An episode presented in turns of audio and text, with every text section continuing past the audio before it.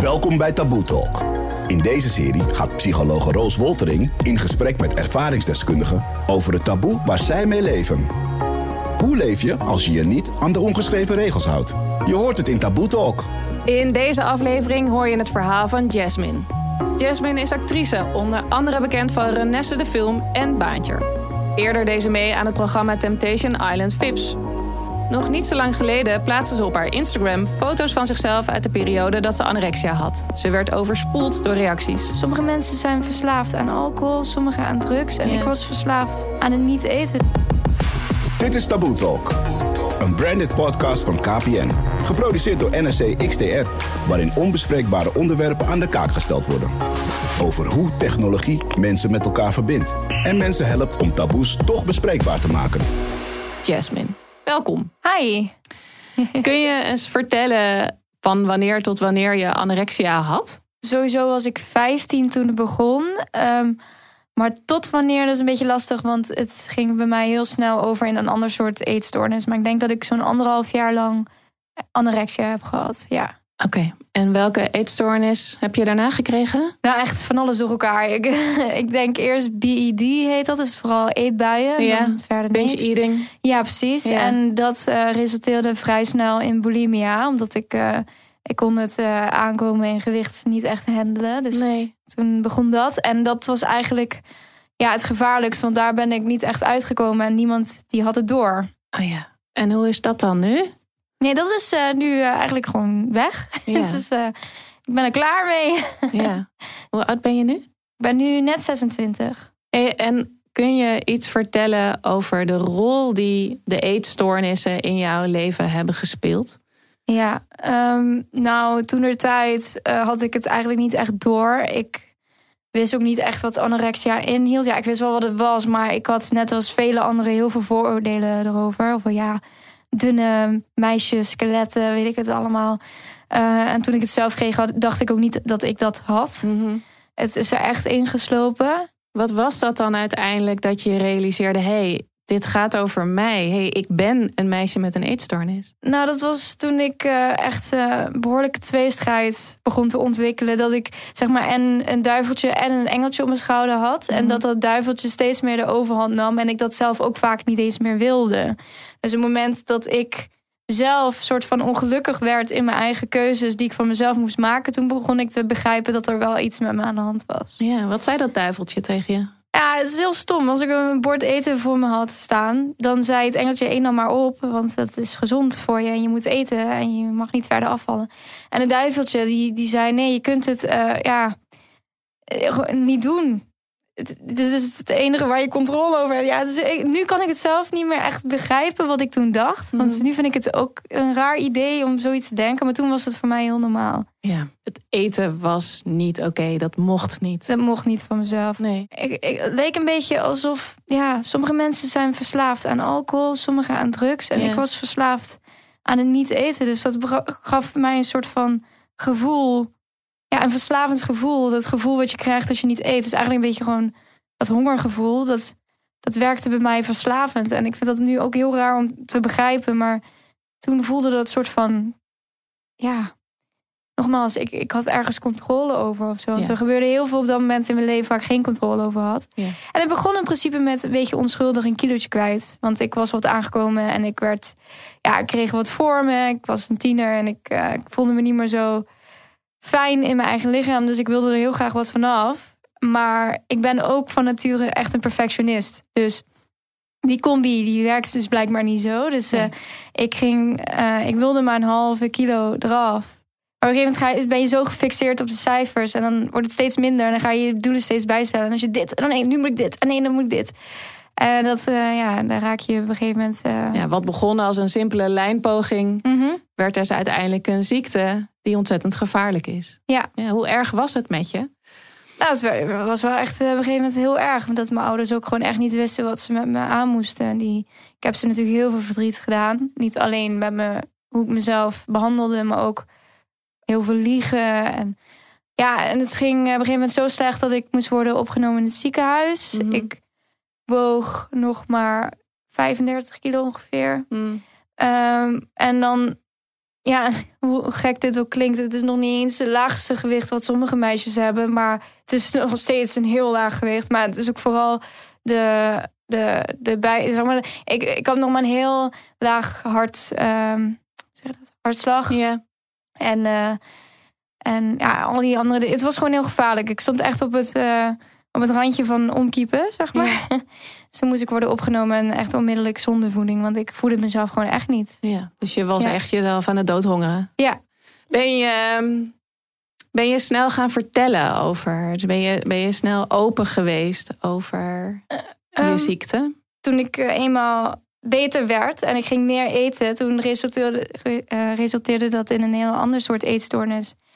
Tot aan bulimia. En dat weer, was weer iets heel nieuws. En ik had mijn familie zo trots gemaakt met het feit dat ik weer beter was en dat ik weer at. En iedereen om me heen was zo trots op mij dat ik eigenlijk niet meer durfde te vertellen. Dat ik stiekem nu een ander probleem had, wat zich was aan het ontwikkelen, wat ook steeds erger werd. En dat heeft me echt, ik denk wel, eh, zes, zeven jaar geduurd. Eh, ja, eh, totdat ik daar open over was. Ja, dus je Ja. familie dacht op dat moment dat het eigenlijk alweer goed met je ging. Ja, Terwijl er op dat moment een andere eetstoornis aan de eh, oppervlakte lag. ja, Ja. hey, wat super stoer dat je dan hier zit vandaag. ja. Ja, ik vind het ook eh, mooi dat ik over dit kan praten. Want ik heb hier natuurlijk zo lang nooit over gepraat. En ik heb ook heel erg getwijfeld om die Insta-post te doen. eh, Ja. Want ik, ja, ik, ik had zo, ja, ik had gewoon zo mijn twijfels. Maar uiteindelijk ben ik heel blij dat ik het heb gedaan. Want ik gewoon hoop dat, dat mijn verhaal, wat een van de vele verhalen is... toch misschien als een soort van inspiratie kan dienen. Aangezien ik dat ook toen de tijd in mijn geval heb gehad. En daar heb ik heel veel aan gehad. Maar ik kende niet, eigenlijk niemand verder toen de tijd. En ik denk als ik wel me- meisjes had gekend met hetzelfde probleem... dat ik daar ook steun aan zou hebben gehad. Maar dat had ik niet. Dus Dus je hebt die Insta-post ook bewust gedaan ja, om jou te laten zien, jouw verhaal te laten zien, om daarin ook een voorbeeld te kunnen zijn voor andere vrouwen die hiermee worstelen. ja, precies. Dit is Taboe Talk. Eh, anorexia wordt gezien als een vrouwenziekte. Nou, Ja. 90 tot 95 procent is ook vrouw. Ja. Eh, maar waar ik wel even benieuwd naar was, ook omdat ik pas geleden een artikel las in het NRC over fitboys. En dat fitboys een grotere kans hebben om eetstoornis te ontwikkelen. Ze hebben natuurlijk ook Ja. een ideaal beeld, hè, waarbij je een brede kaaklijn, maar ook heel droog, dus weinig Mhm. vet hebben. Ehm, heb jij ehm, naar aanleiding van je Insta-post ook van jongens reacties gekregen? Ehm, eigenlijk niet echt. Nee, ik, eh, ja, ik moet ook wel eerlijk bekennen, ik ben zo overspoeld met DM's dat ik er zelfs nog van te kijken van wow, zijn er blijkbaar zoveel tussen mijn eigen volgers alleen al die zitten ja, te worstelen, met- iets binnen het eetprobleem, iets. En ja, ik, ik, ik heb daar niet zo snel een jongen uit kunnen vissen. Maar ik geloof wel zeker dat er heel veel jongens zijn. Maar misschien, ja, dat weet ik niet hoor. Maar misschien dat jongens minder snel ja, dat van zichzelf. Ook omdat het juist als een soort van vrouwenprobleem wordt gezien. Dat jongens misschien minder snel aan de bel trekken. Of dat Ja, open dus dat zijn. Ik weet het voor niet hoor. jongens nog moeilijker is om er openlijk mee uit te komen. Ja, misschien. Ja. Ja. ja, en je bent natuurlijk ook een vrouw, dus daarin spreek je misschien eerder. Ben je misschien eerder Ja. een voorbeeld voor andere vrouwen dan voor dat mannen? denk ik ook. Ja. Hey, en je, je zegt al, ik ben overspoeld door reacties. Ja, ik, ik probeerde, ik heb ook gezegd op mijn Instagram, ik probeer echt iedereen te beantwoorden, maar het is me nog steeds niet gelukt. En ik wilde eigenlijk voor zitten. Maar, want ik vind het wel belangrijk om als, als een meisje die met dit worstelt, eh, de, de energie en tijd neemt om zo'n verhaal te typen naar iemand en daar open over is over zichzelf, vind ik echt zo'n onwijs grote stap. Ja, dat mag wel beloond worden, want ik weet zelf dat ik dat namelijk niet had gedurfd. Ja. Dus, ehm, dus ja, maar ja, dat ik daar nog niet aan ben toegekomen, het was gewoon echt te veel. Maar dat, Super dat, daar schrok ik ook gewoon heel erg van. Omdat ik, ja, nogmaals, ik had gewoon nooit verwacht dat er alleen al zoveel volgers binnen mijn eigen following hiermee struggelen. Laat staan de mensen die er niks over zeggen en nog daarbuiten. Dus Ja. het is echt een heel groot probleem waar niet over wordt gepraat. Kun, je, kun je eens een verhaal vertellen, een reactie die je bij is gebleven, die je heeft geraakt? Ja, één meisje die, eh, die, die zei dat ze heel erg, überhaupt al heel erg veel ehm, uit mijn post haalde. Ehm, qua, nog niet eens is die post wat ik had gepost, maar andere, zeg maar gewoon, hè, qua kracht en andere dingen. Omdat zij zelf ook heel erg struggelt. Niet zozeer met eetstoornis, maar meer depressiviteit ook. Mhm. En dat ze nog twee weken geleden of zo nog een zelfmoordpoging had gedaan. En dat.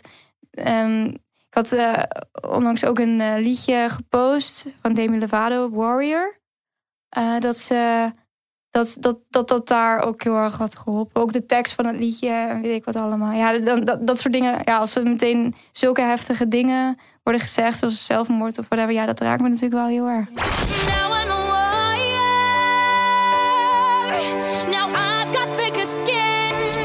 Kreeg je eh, eigenlijk alleen maar positieve reacties? Of waren er ook negatieve reacties? Nou ja, ik had dus heel veel negativiteit verwacht. Eh, maar dat, dat, ik denk op één reactie na, wat ik zo even ergens tussendoor las, echt alleen maar positiviteit. Of inderdaad meisjes die zelf ermee struggelen en om advies vragen, maar geen, geen negatieve dingen. En daar stond ik echt van te kijken, want dat was wel een van mijn grootste zorgen. Ik dacht echt, toen ik dat eh, ging posten van, oké, nu moet ik ook even schap staan voor heel wat mensen die gaan zeggen: Oh ja, pity, pity, eh, jij bent met je, hè? iedereen maakt wel wat mee. Maar dat viel eigenlijk reuze mee. Ik stond ervan te kijken dat het toch wel heel erg, ehm, ja, dat mensen daar ook open voor stonden of Ja. zo. Kun je je ook voorstellen dat mensen je zien, je bent echt een prachtige vrouw, denken als zij al onzeker is, Ja, ja. ja. hoe is dat dan? Hoe, hoe, hoe moet ik me dan voelen? maar I, I- I've came a long way. Ik, ik liep er echt wel tien jaar geleden anders bij dan nu. Hmm. Eh, en ja, dat zal bij meisjes die zich nu er- echt heel erg onzeker voelen, zal dat ook gebeuren. Die zullen over tien jaar misschien ook wel heel anders erbij staan dan nu. Eh, alleen dat is gewoon nu nog moeilijk te bedenken voor ze, denk ik. En ehm, ja, ik, ik was ook onzeker. Nog steeds ben ik onzeker. En ik denk dat iedereen wel hun eigen soort van onzekerheid heeft. En bij de ene is dat wat meer dan bij de ander. En aan de buitenkant is dat dus vaak helemaal niet te zien. Nee, Nee. nee, zeker niet. Nee. nee. We hebben ook op straat mensen gevraagd Ja. of ze wat ze weten van anorexia. Of ze bijvoorbeeld weten dat er wel 250.000 mensen in Nederland zijn die een, een eetstoornis hebben. Geregistreerd waarschijnlijk. Ja, het klopt inderdaad wat je zegt. Het is heel erg lastig om daar specifieke cijfers over te vinden. Omdat heel veel mensen natuurlijk een eetstoornis geheim houden. Eh, maar dat er, nou ja, je zegt het zelf ook al, dat het een groot probleem is. Dat blijkt eigenlijk wel uit de hoeveelheid posts die je eh, gekregen hebt. De Ja. hoeveelheid reacties die je gekregen hebt. Nou, laten we even gaan luisteren naar wat de mensen op straat Ja. erover gezegd hebben. Goed. Ehm, nou, ik weet van eetstoornissen dat het eh, ja, een beperking is op ja, voedsel wat mensen tot zich nemen. En dat het in verschillende vormen bestaat. Dus helemaal geen voedsel ja, tot je nemen of daarin ja, weer uitspugen, zeg maar. Eigenlijk bij mij is de eetstoornis eigenlijk andersom. Ik eet vaak te veel. Mijn zus eh, heeft daar eh, last van gehad. Ehm, en kan vaak een probleem zijn. Eh, en is vaak toch ook wel iets psychologisch. Maar wel uitkomend met eh, familie en vrienden kan je er heel veel aan doen. Het is een welvaartsziekte. Nou ja, goed, als je, als je de hele wereld neemt en 50% van de wereld verhongert en 50% van de wereld is op dieet. Ja, dan vind je een welvaartsziekte. Ik eh, wist wel dat in Nederland veel mensen lijden aan eh, een eetstoornis. Ik- en ik denk ook wel dat het voor- voornamelijk in wat rijkere landen is en niet in de armere landen. Dus snap je dat mensen er niet over praten of durven te praten? Nou ja, uiteraard snap ik dat, maar op zich zie je het vaak ook wel aan mensen hoor, op het moment dat ze het hebben. Ik snap heel goed dat mensen niet over eetstoornissen praten, omdat ehm, ja, ik denk dat bij de problematiek hoort, omdat mensen heel erg ja, op zichzelf gericht zijn en, en dat juist verborgen willen houden, omdat ze bang zijn dat als ze het zeggen tegen mensen, dat, ze, dat mensen hun gaan pushen om meer te eten. En dat is juist wat ze niet willen. Nou, ik denk dat er nu sowieso best wel veel hulp wordt geboden. Maar dat moet wel uiteindelijk uit jezelf komen. Maar hoe zou je een eetstoornis moeten aanpakken? Eh, door of wel te eten of door niet te eten. Wat valt je op in deze reacties?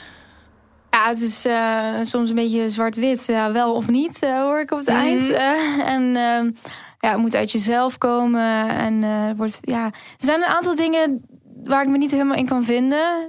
En het zullen ook sommige, som, soms zal het ook misschien een beetje vooroordelen zijn. Maar dat heb ik ook gehad, dus dat begrijp ik. Wat heeft jou nou uiteindelijk geholpen om weer gezond te worden? Ah, bij mij is het eh, een beetje, ja, ik denk dat het niet voor iedereen zo gaat. Bij mij is het meer angst ineens. Want ik, ehm, ik merkte opeens een knobbel in mijn keel op. En ik, ja, ik wekte het overgeven zelf op. Dus ik kwam daar letterlijk iedere dag. Mijn vingers. En op een gegeven moment begon daar een soort van bobbel te ontstaan. En met de achtergrond van mijn moeder En mijn tante, die allebei zijn overleden aan maagkanker en slokdarm. En ik weet dat bulimia een grote kans heeft op dat soort dingen. Ehm, ja, kwam er ineens bij mij een hele grote angst op dat ik dat misschien ook wel zou hebben. Terwijl ik net een jaar geleden nog niet eens, nou nog niet eens, een paar maanden geleden mijn moeder heb begraven. Dus ja, eigenlijk heeft die angst ervoor gezorgd dat ik per direct na al die jaren al die problemen gewoon kon stoppen. Dus dan heeft blijkbaar angst toch wel een heel groot, grote invloed op wat je doet. En je noemt het angst. Maar wat Ja. ik je eigenlijk hoor zeggen is dat levenslust. Ja, dat, Dus de dat- behoefte om te Ja. denken: hé, hey, maar het, het leven is nog niet klaar. Nee, een soort van wake-up call was het Ja. letterlijk. Knobbel is overigens nooit meer weggegaan, maar dat is gelukkig niks ernstigs. maar dat is wel iets, eh, ja, ik, eh, nou, ik moet zeggen, ik heb wel hier en daar natuurlijk nog een paar terugvallen gehad. Echt iets op de een of andere dag, overnight, kan niet zomaar stoppen, lijkt mij. Tenminste, in mijn geval niet. Ehm, maar het heeft me wel echt tot heel, hele grote inzichten gebracht, laat ik het zo zeggen. En die inzichten hebben ervoor gezorgd, die normaal soort van zit weg te stoppen. Want je weet echt wel dat wat er allemaal kan gebeuren. Ehm, ja, ja, ja, hebben ervoor gezorgd dat ik ermee kon stoppen. Dit is Taboe Talk. Is het ehm, iets om je voor te schamen? Nee, absoluut niet. Merk ik nu pas hoor. Want ik eh, tijdens mijn, mijn hele periode schaamde ik me echt tot het diepste voor. Maar dat schamen heeft er ook toe gebracht dat je erin blijft zitten. Je kunt je beter inderdaad. eh, Ja, als je je niet schaamt en je vertelt erover, dan, dan uiteindelijk heb je een veel rijker leven. En dan. dan Of misschien wel schamen en toch vertellen? ja, nee, precies. Dat, ja, ja, ja. ja. Is het nu voor jou weer mogelijk om gewoon alles te eten? Kun je weer genieten van eten? Ja, ik, eh, ik kan eigenlijk gewoon in principe alles weer eten. Maar ik heb nog één klein ding wat bij mij eh, een soort van laatste restje. Dat is dat ik altijd cola light blijf drinken in plaats van normale cola. Op de een of andere manier is dat nog blijven hangen. Wat kunnen wij als luisteraars, wat kan ik, weet je, wat kan iedereen op straat nou doen om te zorgen dat dit minder een taboe is? Ja, de mensen op straat die mogen in ieder geval minder zwart-wit denken. Die, eh, ik denk dat, eh, maar dat geldt voor alles, dat je niet zo snel je vooroordelen klaar moet hebben. Want er kan zoveel meer spelen bij ja, een meisje met een probleem. Of, eh, ik, ik vergelijk het de hele tijd met een verslaving, omdat Ja. het voor mij ook gewoon echt zo voelde. En ik merk dat verslavingen zoveel ehm, ja, Impact. serieuzer naar wordt gekeken. En mensen ook minder snel hun oordeel klaar hebben. Omdat ze vaak wel begrijpen hoe moeilijk het is. Eh, terwijl bij een eetstoornis het gewoon precies hetzelfde is. Het is geen kwestie van gewoon je mond weer open doen en weer eten erin Nee. schuiven. Het is een serieus probleem Ja. wat we ook zo moeten zien. Ja. Echt onwijs bedankt dat je hier vandaag eh, met mij over wilde praten en dat je zo open je verhaal hebt gedaan. Ja, Eh, nou, dankjewel. dankjewel. Heb je nog een allerlaatste tip voor de luisteraars? Ja, ja, nou ja, wat mij heel erg heeft eh, geholpen. Ik, eh, ik heb een tijdje gelopen bij Human Concern. Eh, daar zitten allemaal psychologen en zo bij aangesloten die meisjes helpen. Maar het zijn allemaal psychologen die het zelf ook hebben gehad. Dus die werken dan niet volgens een soort boekje. Ik vond het altijd heel moeilijk om naar een psycholoog te luisteren die het allemaal volgens een boekje had en mij helemaal niet kon inleven in mij. Ehm, ondanks dat hij misschien echt wel bij het juiste eind had soms. Ik kon daar gewoon niet Een ervaringsdeskundige en een psycholoog in één was voor jou fijner. Dat, dat Ja. gaf gewoon zoveel. Ja, je, voelt je meteen heel erg begrepen. Dus dat Ja. heeft mij in ieder geval heel erg geholpen. En inderdaad, zoek andere meisjes op die ook eh, die, die met hetzelfde struggelen en samen proberen beter te. Zoek in ieder geval Steun, steun. open daarover zijn en human concern geef je nog als tip. Ja, dat is zeker een tip. Ja. Ja, dankjewel. Speciaal voor Taboe Talk laat Duizendpoot Aquasi, rapper, muzikant, performer zijn licht schijnen over het onderwerp dat we bespreken. En we gaan nu luisteren naar zijn bijdrage. Beste anorexia nervosa. Mijn eerste kennismaking met jou was op de basisschool in groep 8. Toen een klasgenoot, ik noem maar voor nu even Leila, gepest werd omdat bijna mijn hele klas haar te dun vond. Takkenwijf, dunne spriet, vel over been, anorexia snol. Dat allemaal en meer hoorde ik mijn klasgenoten roepen. De schreeuwerige scheldtirade van mijn medeleerlingen was net te zacht dat de juffen en meesters dit in de lunchpauze niet hoorden door de cacophonie aan geluiden buiten. Ik hoorde het wel. Zielig vond ik het voor Leila. Echter zei ik niets. Ik stond erbij en ik keek ernaar. Wat heb je met haar gedaan, dacht ik. Die avond aan tafel thuis wilde ik mijn avondeten niet helemaal verorberen. Ik moest het niet proberen. Zonder pardon kreeg ik een paar klappen op mijn kop en een preek van je welste. In this house we don't show food away. Ik moest wel eten. Uit solidariteit naar Leila toe propte ik wat gekookte aardappelen in mijn mond en vroeg ik of ik naar de wc kon. Eenmaal op de wc was het spugen en doorspoelen. Ik was gered. De volgende dag, toen Leila dankzij jou weer werd aangepakt, sprong ik ertussen. Wie haar durfde uit te schelden, kreeg met mij te maken. Dan zul je zien met wie het aan de stok krijgt. Als ik Leila zag eten, nam ze muizenhapjes. Ik weet nog dat ze zichzelf te dik vond, terwijl ik met gemak andere klasgenoten kon aanwijzen die zich per direct konden kwalificeren voor een bepaalde mate van dikheid. Ze was bang om aan te komen, dankzij jou. Ze verzon smoesjes om niet te hoeven eten, dankzij jou. Ze werd verschrikkelijk onzeker, met dank aan jou. Ze dacht alleen nog maar aan de lijn, terwijl ik dacht: hoe dan? Dankzij jou. Ik hoop dat je blij met jezelf bent. Leila is inmiddels verder, vrolijk en gezond. Maar jij, jij lijkt wel een onuitputtelijke bron van dwangmatigheid en haat. De hele wereld walgt van je. Doe wat aan jezelf. Veel liefs. Oh ja, PS. Wil je tegen je zus Bulimia zeggen dat ze een bitch is? Oké. Doe je?